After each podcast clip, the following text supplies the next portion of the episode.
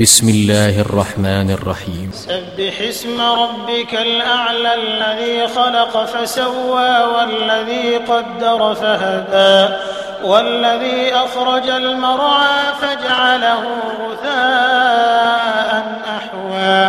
سنقرئك فلا تنسى إلا ما شاء الله إنه يعلم الجهر وما يخفى. ونيسرك لليسرى. فذكر إن نفعت الذكرى. سيذكر من يخشى ويتجنبها الأشقى الذي يصلى النار الكبرى.